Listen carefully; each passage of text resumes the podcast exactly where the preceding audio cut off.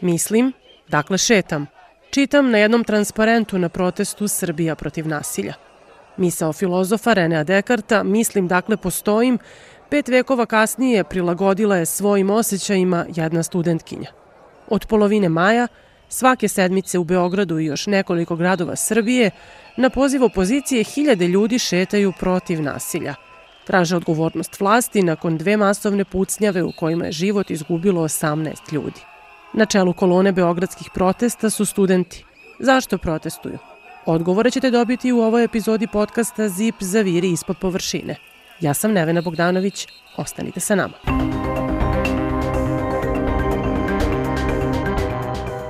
Bio je 3. maj 2023. Centar Beograda. Osnovna škola Vladislav Ribnikar. Umesto dečije graje na igralištu, potpuno drugačija slika – kola hitne pomoći, policija, blokirana ulica, uplakana deca i roditelji. Pucnji u školi u 8.40 tog jutra kada je učenik ubio devet svojih vršnjaka i radnika obezbeđenja, a ranio petoro učenika i nastavnicu, ostavili su javnost u šoku. Narednog dana počelo je odavanje pošte na stradalima, a onda je nedaleko od Beograda drugi masovni ubica počinio još jedan zločin – U selima Dubona i Malo Oraši ubijeno je osmoro, a ranjeno 12, uglavnom mladih ljudi.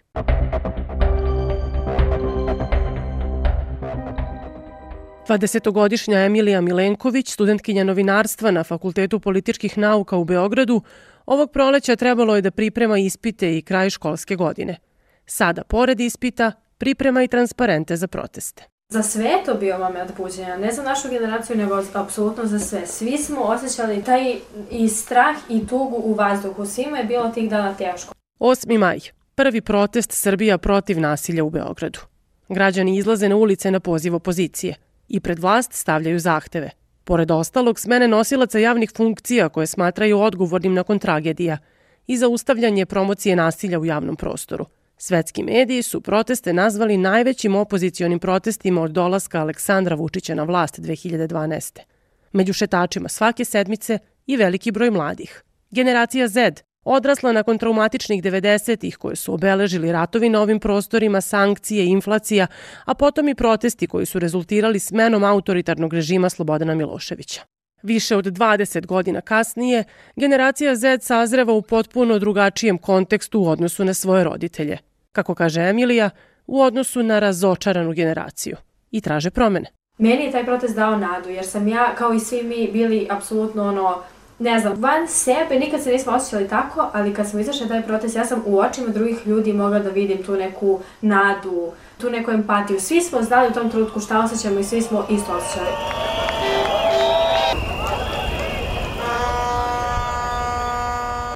Ta e, tragedija nas je sve, dakle dala nam je jedan socijalni motiv da mi se osvestimo da apsolutno treba nešto da menjamo. Mislim, u tom trenutku smo mi i sada smo osjećali e, bez prema neadekvatnom odgovoru države na tragediju koja nam se desila. Izuzetno osjećamo tu bol i želimo se solidarišemo, ali i želimo da mi budemo ti koji će da promene, a, da donesu promenu u društvu. Mislim da je sve objašnjeno nazivom protesta. Srbija protiv nasilja. Takav je protest. Miran i nenasilan. Dostojanstveno šetamo i istrajni smo. Iskazujemo to kroz istrajnost, odnosno tako što izlazimo svake nedelje. I upornost u ostvarivanju zahteva. Pored Emilije na proteste izlazi Đorđe Stojanović, 21-godišnji student Fakulteta organizacionih nauka i njegova vršnjakinja Anja Kafedžiska, studentkinja pravnog fakulteta.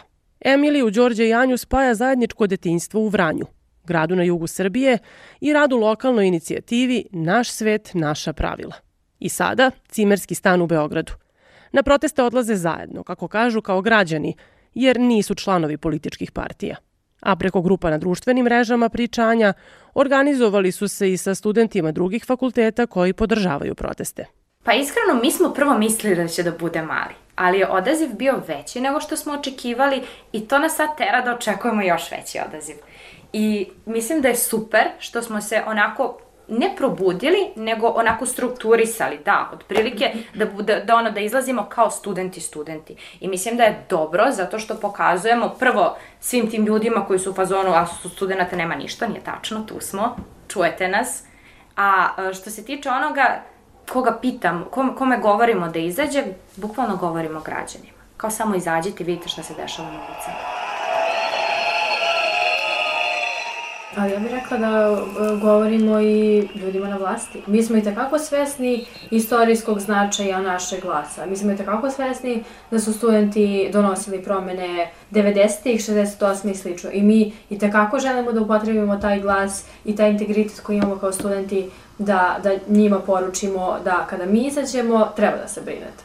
Zanimljivo je koliko stvari uh, natpisi odatle, bukvalno samo možemo copy-paste Mm. Bukvalno, znači, sve što se tada tražilo, isto i sada. Slobode medija, smena ovaj, određenih aktera vlasti, znači promena tog nekog, uh, sistemska promena ovaj, vlasti. Tako da, kada pogledamo od tada do sada, zahtevi su manje više isti. I uh, ta neka uh, ta neka perspektiva je manje više ista. S tim što je tada bilo drugačije uređenje i s tim što su tada bili, ne znam, drugačiji ljudi, a sada je, o, ovaj, jel te, nešto novo. Tako da uvek će da postoje poređenje i to je skroz okej. Okay. Mislim, naravno da, je, da, da, da treba da postoji zato što nam je jasno da su protesti nešto što se kod nas konstantno dešava. I to treba da nam bude kao ono indikator toga da nešto stvarno treba da se menja. Na poslednjim protestima studenti predvode kolonu. Uz poruku studenti ne ćute. Đorđe objašnjava kome se obraćaju. Kome poručujemo? Svima. Znači i onima koji su tu, koji nas vide trenutno i onima koji kažu da nas nema i onima koji aktivno moram da kažem, ogovaraju, pošto to nije ništa više da ogovaranje, kažu da su studenti pasivni, apatični, apolitični i slični pridevi i opisi koji idu uz nas, koji nisu suštinski tačni. Studenti brinu o ovome gde jesu, studenti se svakog dana brinu šta će da rade sutra A, možda se naši glasovi nisu u jednom trenutku čuli, ali su bili postojani i sada poručujemo svima, zaista svima da ne ćutimo.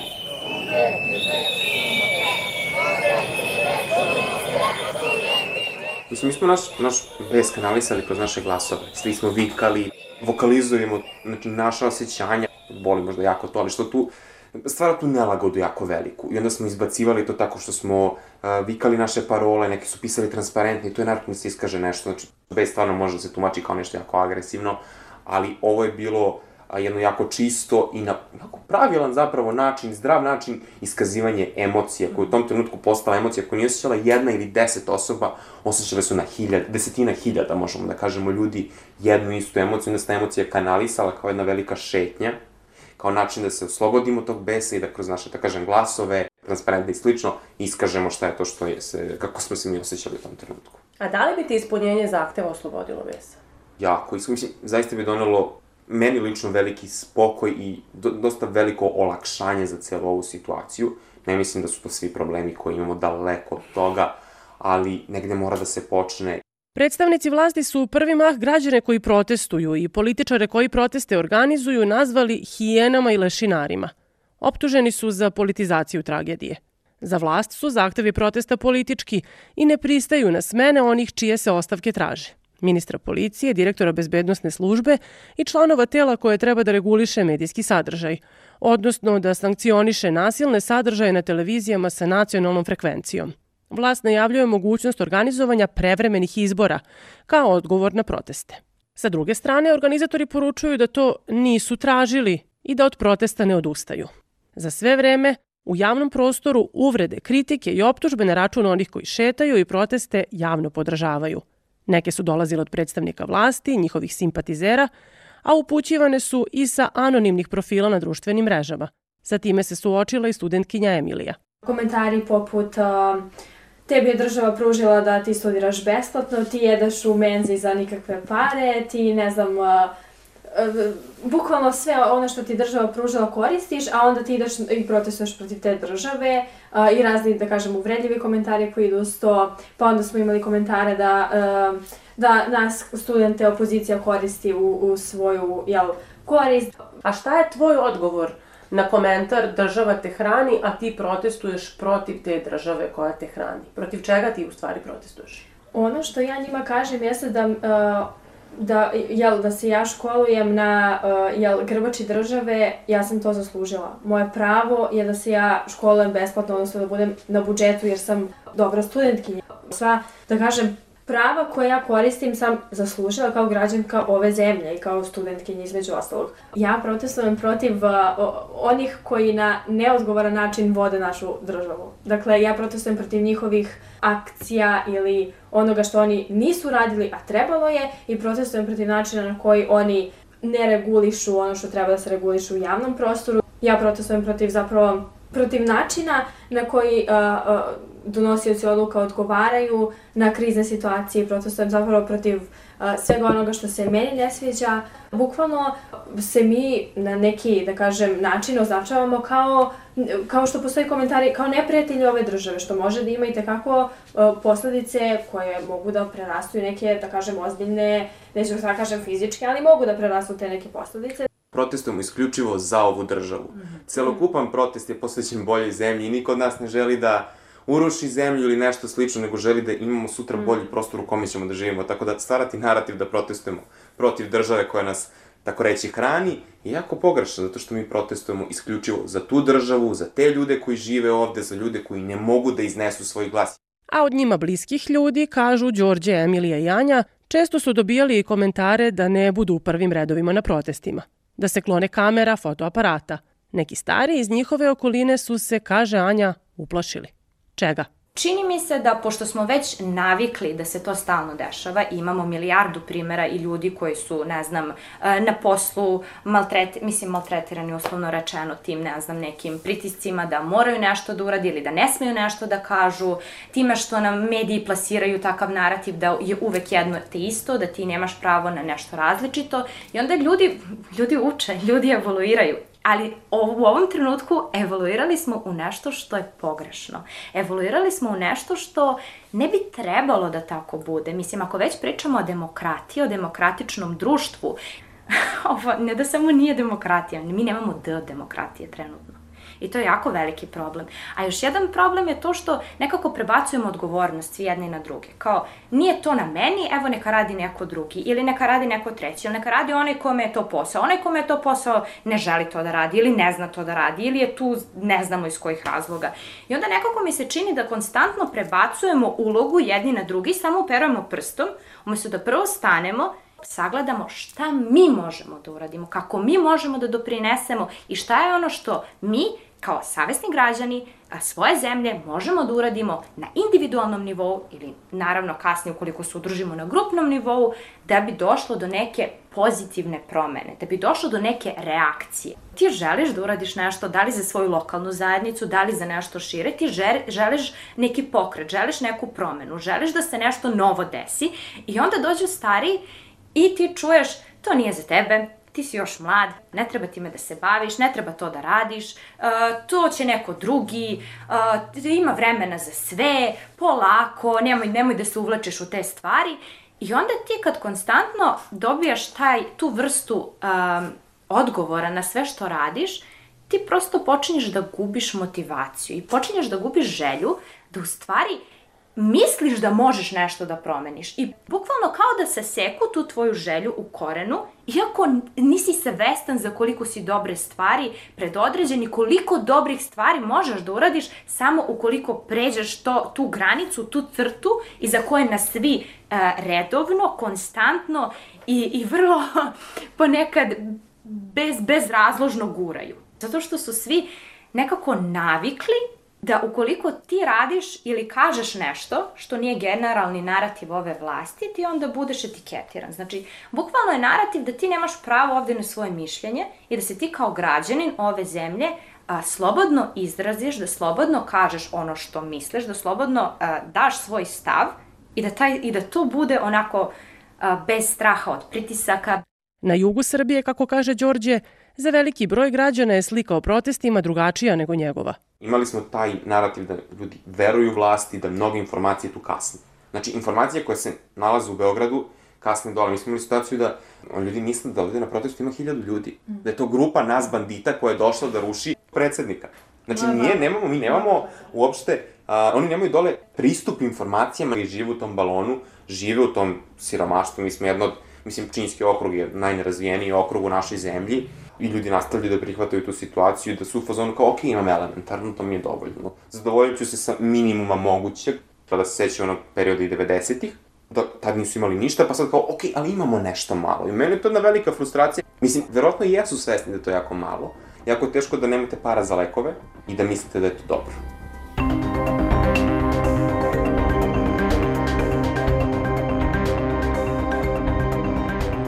Đorđe, Emilija i Anja su prvi put na izbore izašli 2022. godine, kada su dobili pravo glasa. Na tim izborima je koalicija oko Srpske napredne stranke, na čijem je čelu do skoro bio Aleksandar Vučić, osvojila većinu u parlamentu, a Vučić dobio drugi mandat za predsednika države sa više od 50% glasova.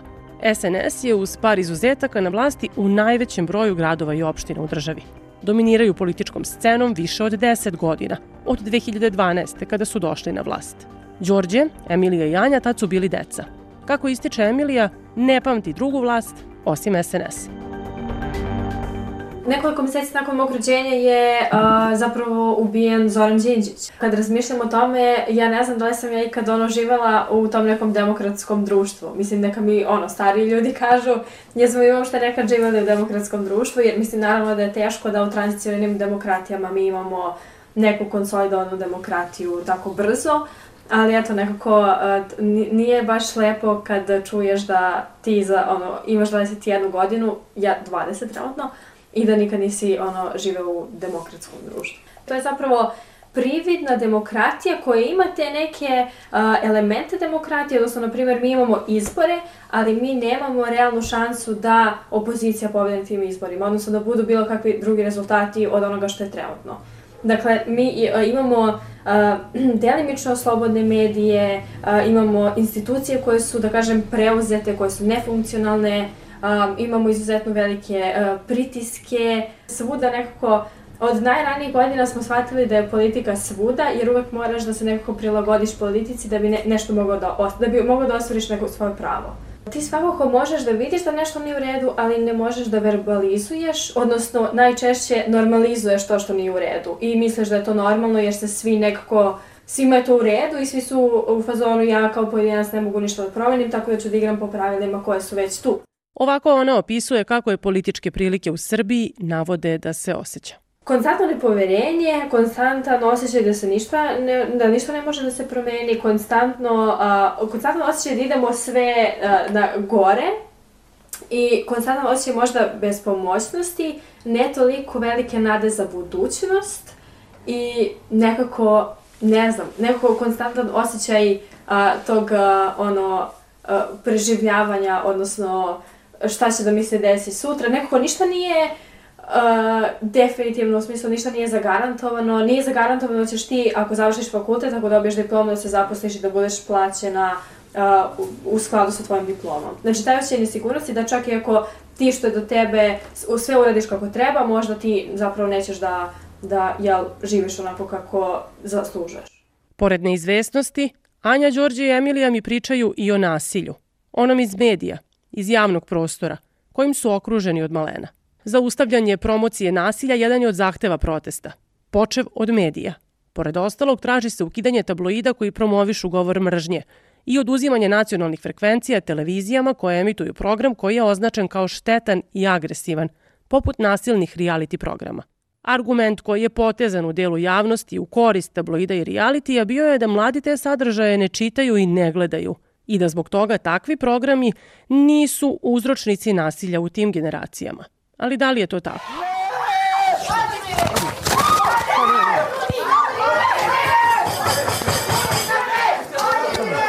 Nokautirač. Jesi čuo? Nokautirač.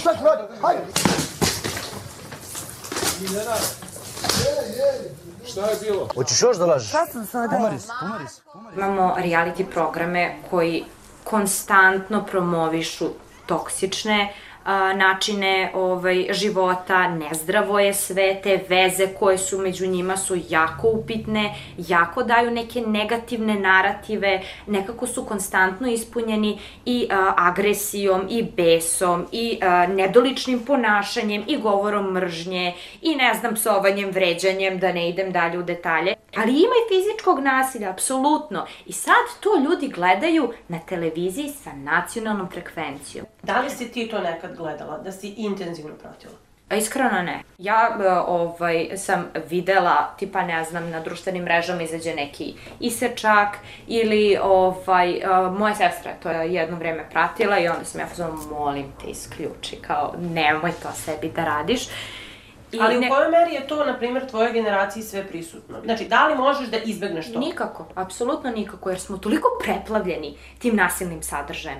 To je bukvalno uh, 60 do 70% sadržaja koje mi svakodnevno viđamo. Da ne želimo.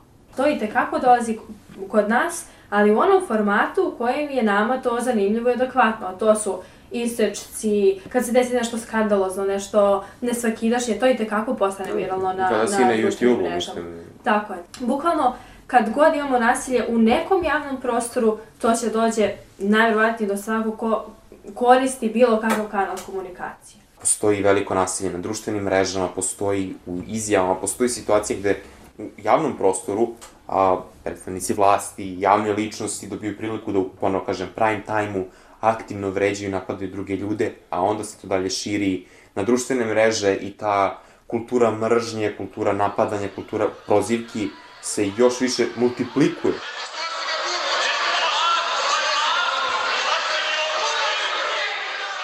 Skupština je izuze... Znači, možda tu najmanje očekuješ da će da bude nasilnog sadržaja, ali tu toliko ima nasilnog sadržaja. Ja sam inače aktivna na TikToku i ja sam snimala onaj deo a, kada su se oni a, još na onoj sednici u vezi Kosova potukli. Ja sam to bukvalno 2-3 minuta nakon što se to desilo okačila na TikToku. To je imalo a, 650.000 pregleda.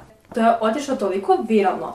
Svi su upoređivali u tom trenutku Skupštinu sa realityjem. I ja mislim da, da je to približno tačno. Dakle, i sada ono što čujemo na, na, u Skupštini je katastrofa. Tu se čitaju tweetovi koji imaju he, ono, govor mržnje. I to naglas. Dakle, poslanici uzimaju sa papira, čitaju hate komentare. Em što ne raspravljaju o stvarnoj tački dnevnog reda, em što ula, u, unose nemir među ljudima, a oni treba da budu naši predstavnici i naši, jel, najmudriji članovi društva.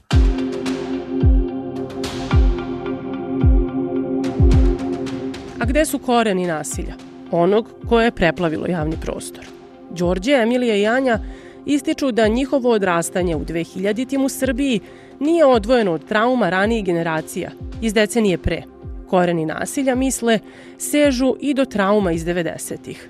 O toj bliskoj istoriji u školama nisu učili. Javnost se sa prošlošću, nasiljem i zločinima koji su 90. obeležili na ovim prostorima nije suočila. Romantizacija ratova je za deo njihovih vršnjaka, kako kažu Emilija, Đorđe i Anja, prijemčiv sadržaj. Postoje takvi ljudi, ali ne možemo da kažemo da su to svi. Ali ima hranjenje tom pričom, mislim, jako aktivnog i oni jako pije vodu ta priča za mnoge mlade i oni prihvataju to vrlo lako, tako da postoji solidan procenat mladi koji lako usvaja celu ekstremnu desničarsku ideologiju. Tako da možemo kažem da zaista postoji veliki broj mladih koji je sadojeno tom pričom o velikoj Srbiji, o najstarijem narodu na svetu i sličnim pričama. Od kako smo bili mali, mi smo generacija nakon 90-ih, mm. nakon pada Miloševića, tako to je, mi smo slušali isključivo priče o tome, koje su pričali ljudi koji su doživjeli jednu jako veliku traumu. I ta trauma nije, ono, nije nastavila da živi u njima i da se prenosi dalje na generacije, onda smo mi tu dobili jako lepu podlogu, da sve desničarske ideje možemo da skupimo vrlo lako. Imamo ogromnu romantizaciju cijelog tog vremenskog perioda i mnogih likova tu koji se danas, koji su proglašeni ratni zločinci i koji se veličaju, čija se sloboda traži, u čije se ime pravda traži zato što smo se, jel, ogrešili od njih o ratne zločince, a, što je nastalo kao posledica traume i razvoja jedne velike bajke o događajima 90-ih koji su, mislim, nije, nije bajka zapravo, to je jedna, jedan horror film koji je tad nastao, Imamo dosta filmova koje romantizuju taj period, imamo dosta, da kažem, ono, pesama koji pevaju o tom periodu, tim a, kao a, lošim momcima koji su cool i vraćanje tih nekih i možda, da kažem, načina na koji se oblačimo, načina na koji, ne znam, pričamo, znači i kroz kulturu, kroz umetnost, kroz ono što je popularno, se takođe vraća taj period. I u kojoj meri su svi ti ekstremno desni sadržaji, koliko je to blisko tvojoj generaciji? Iskreno, baš je blisko. I nekako mi se čini da se to dosta prožima ono, kod, kod mladih, da, da da njima odgovaraju takve političke opcije, zato što oni pričaju nešto na takav način koji je jednostavan, brutalan, uh, gde se oni ne kolebaju, gde oni nemaju kao čekajte, ajde da stanemo i da razmislimo šta pričamo, nego oni samo kažu, iznesu i sad kao mlada osoba koja nema pojma za druge političke opcije, koja se uopšte nije zainteresovala, aha, čuje nešto se njoj sviđa i u fazonu je super. A da li vi te ljude iz vaše generacije za koje znate da su ekstremno desno, vi ćete, na primjer, sad na ovim protestima? Ne. Ne. I čak smo, do, ja, ja sam lično dobijala dosta hate komentara od takvih ljudi.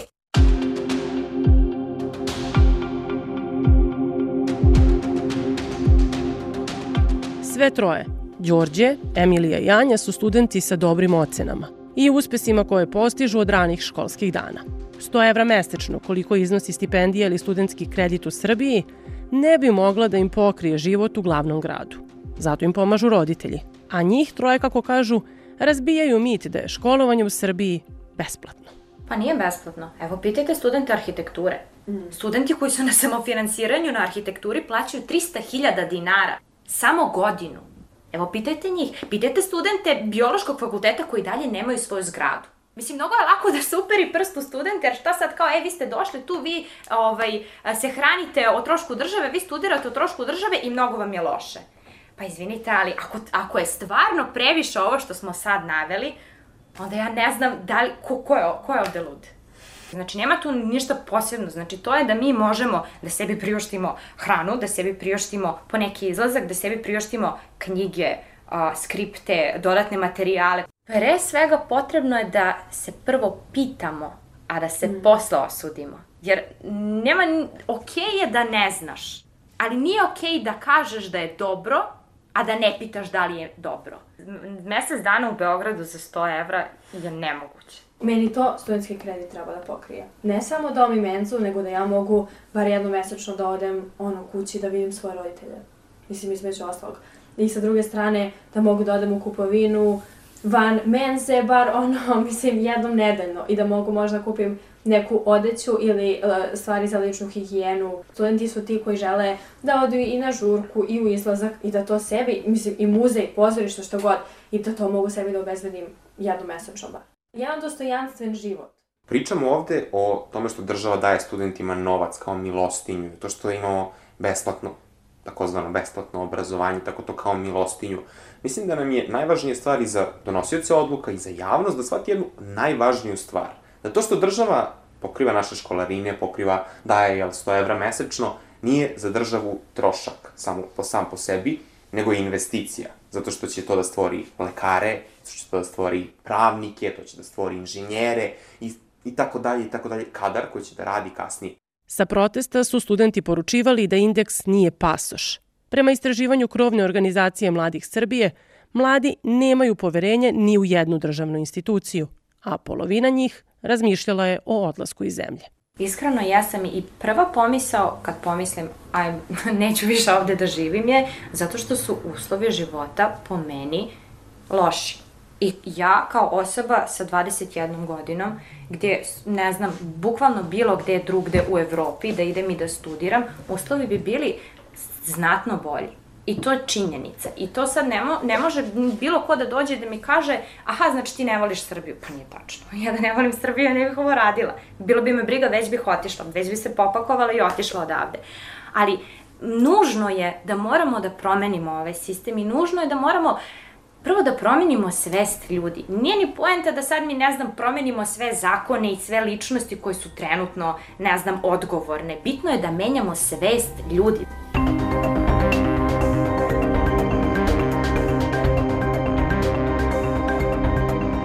Naš svet, naša pravila.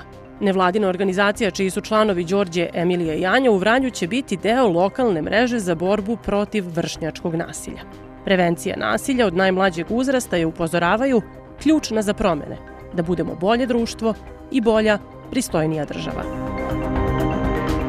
Ja sam Nevena Bogdanović, a ovo je bio podcast ZIP za viri ispod površine.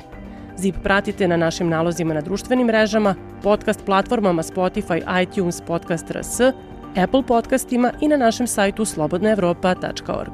Do slušanja.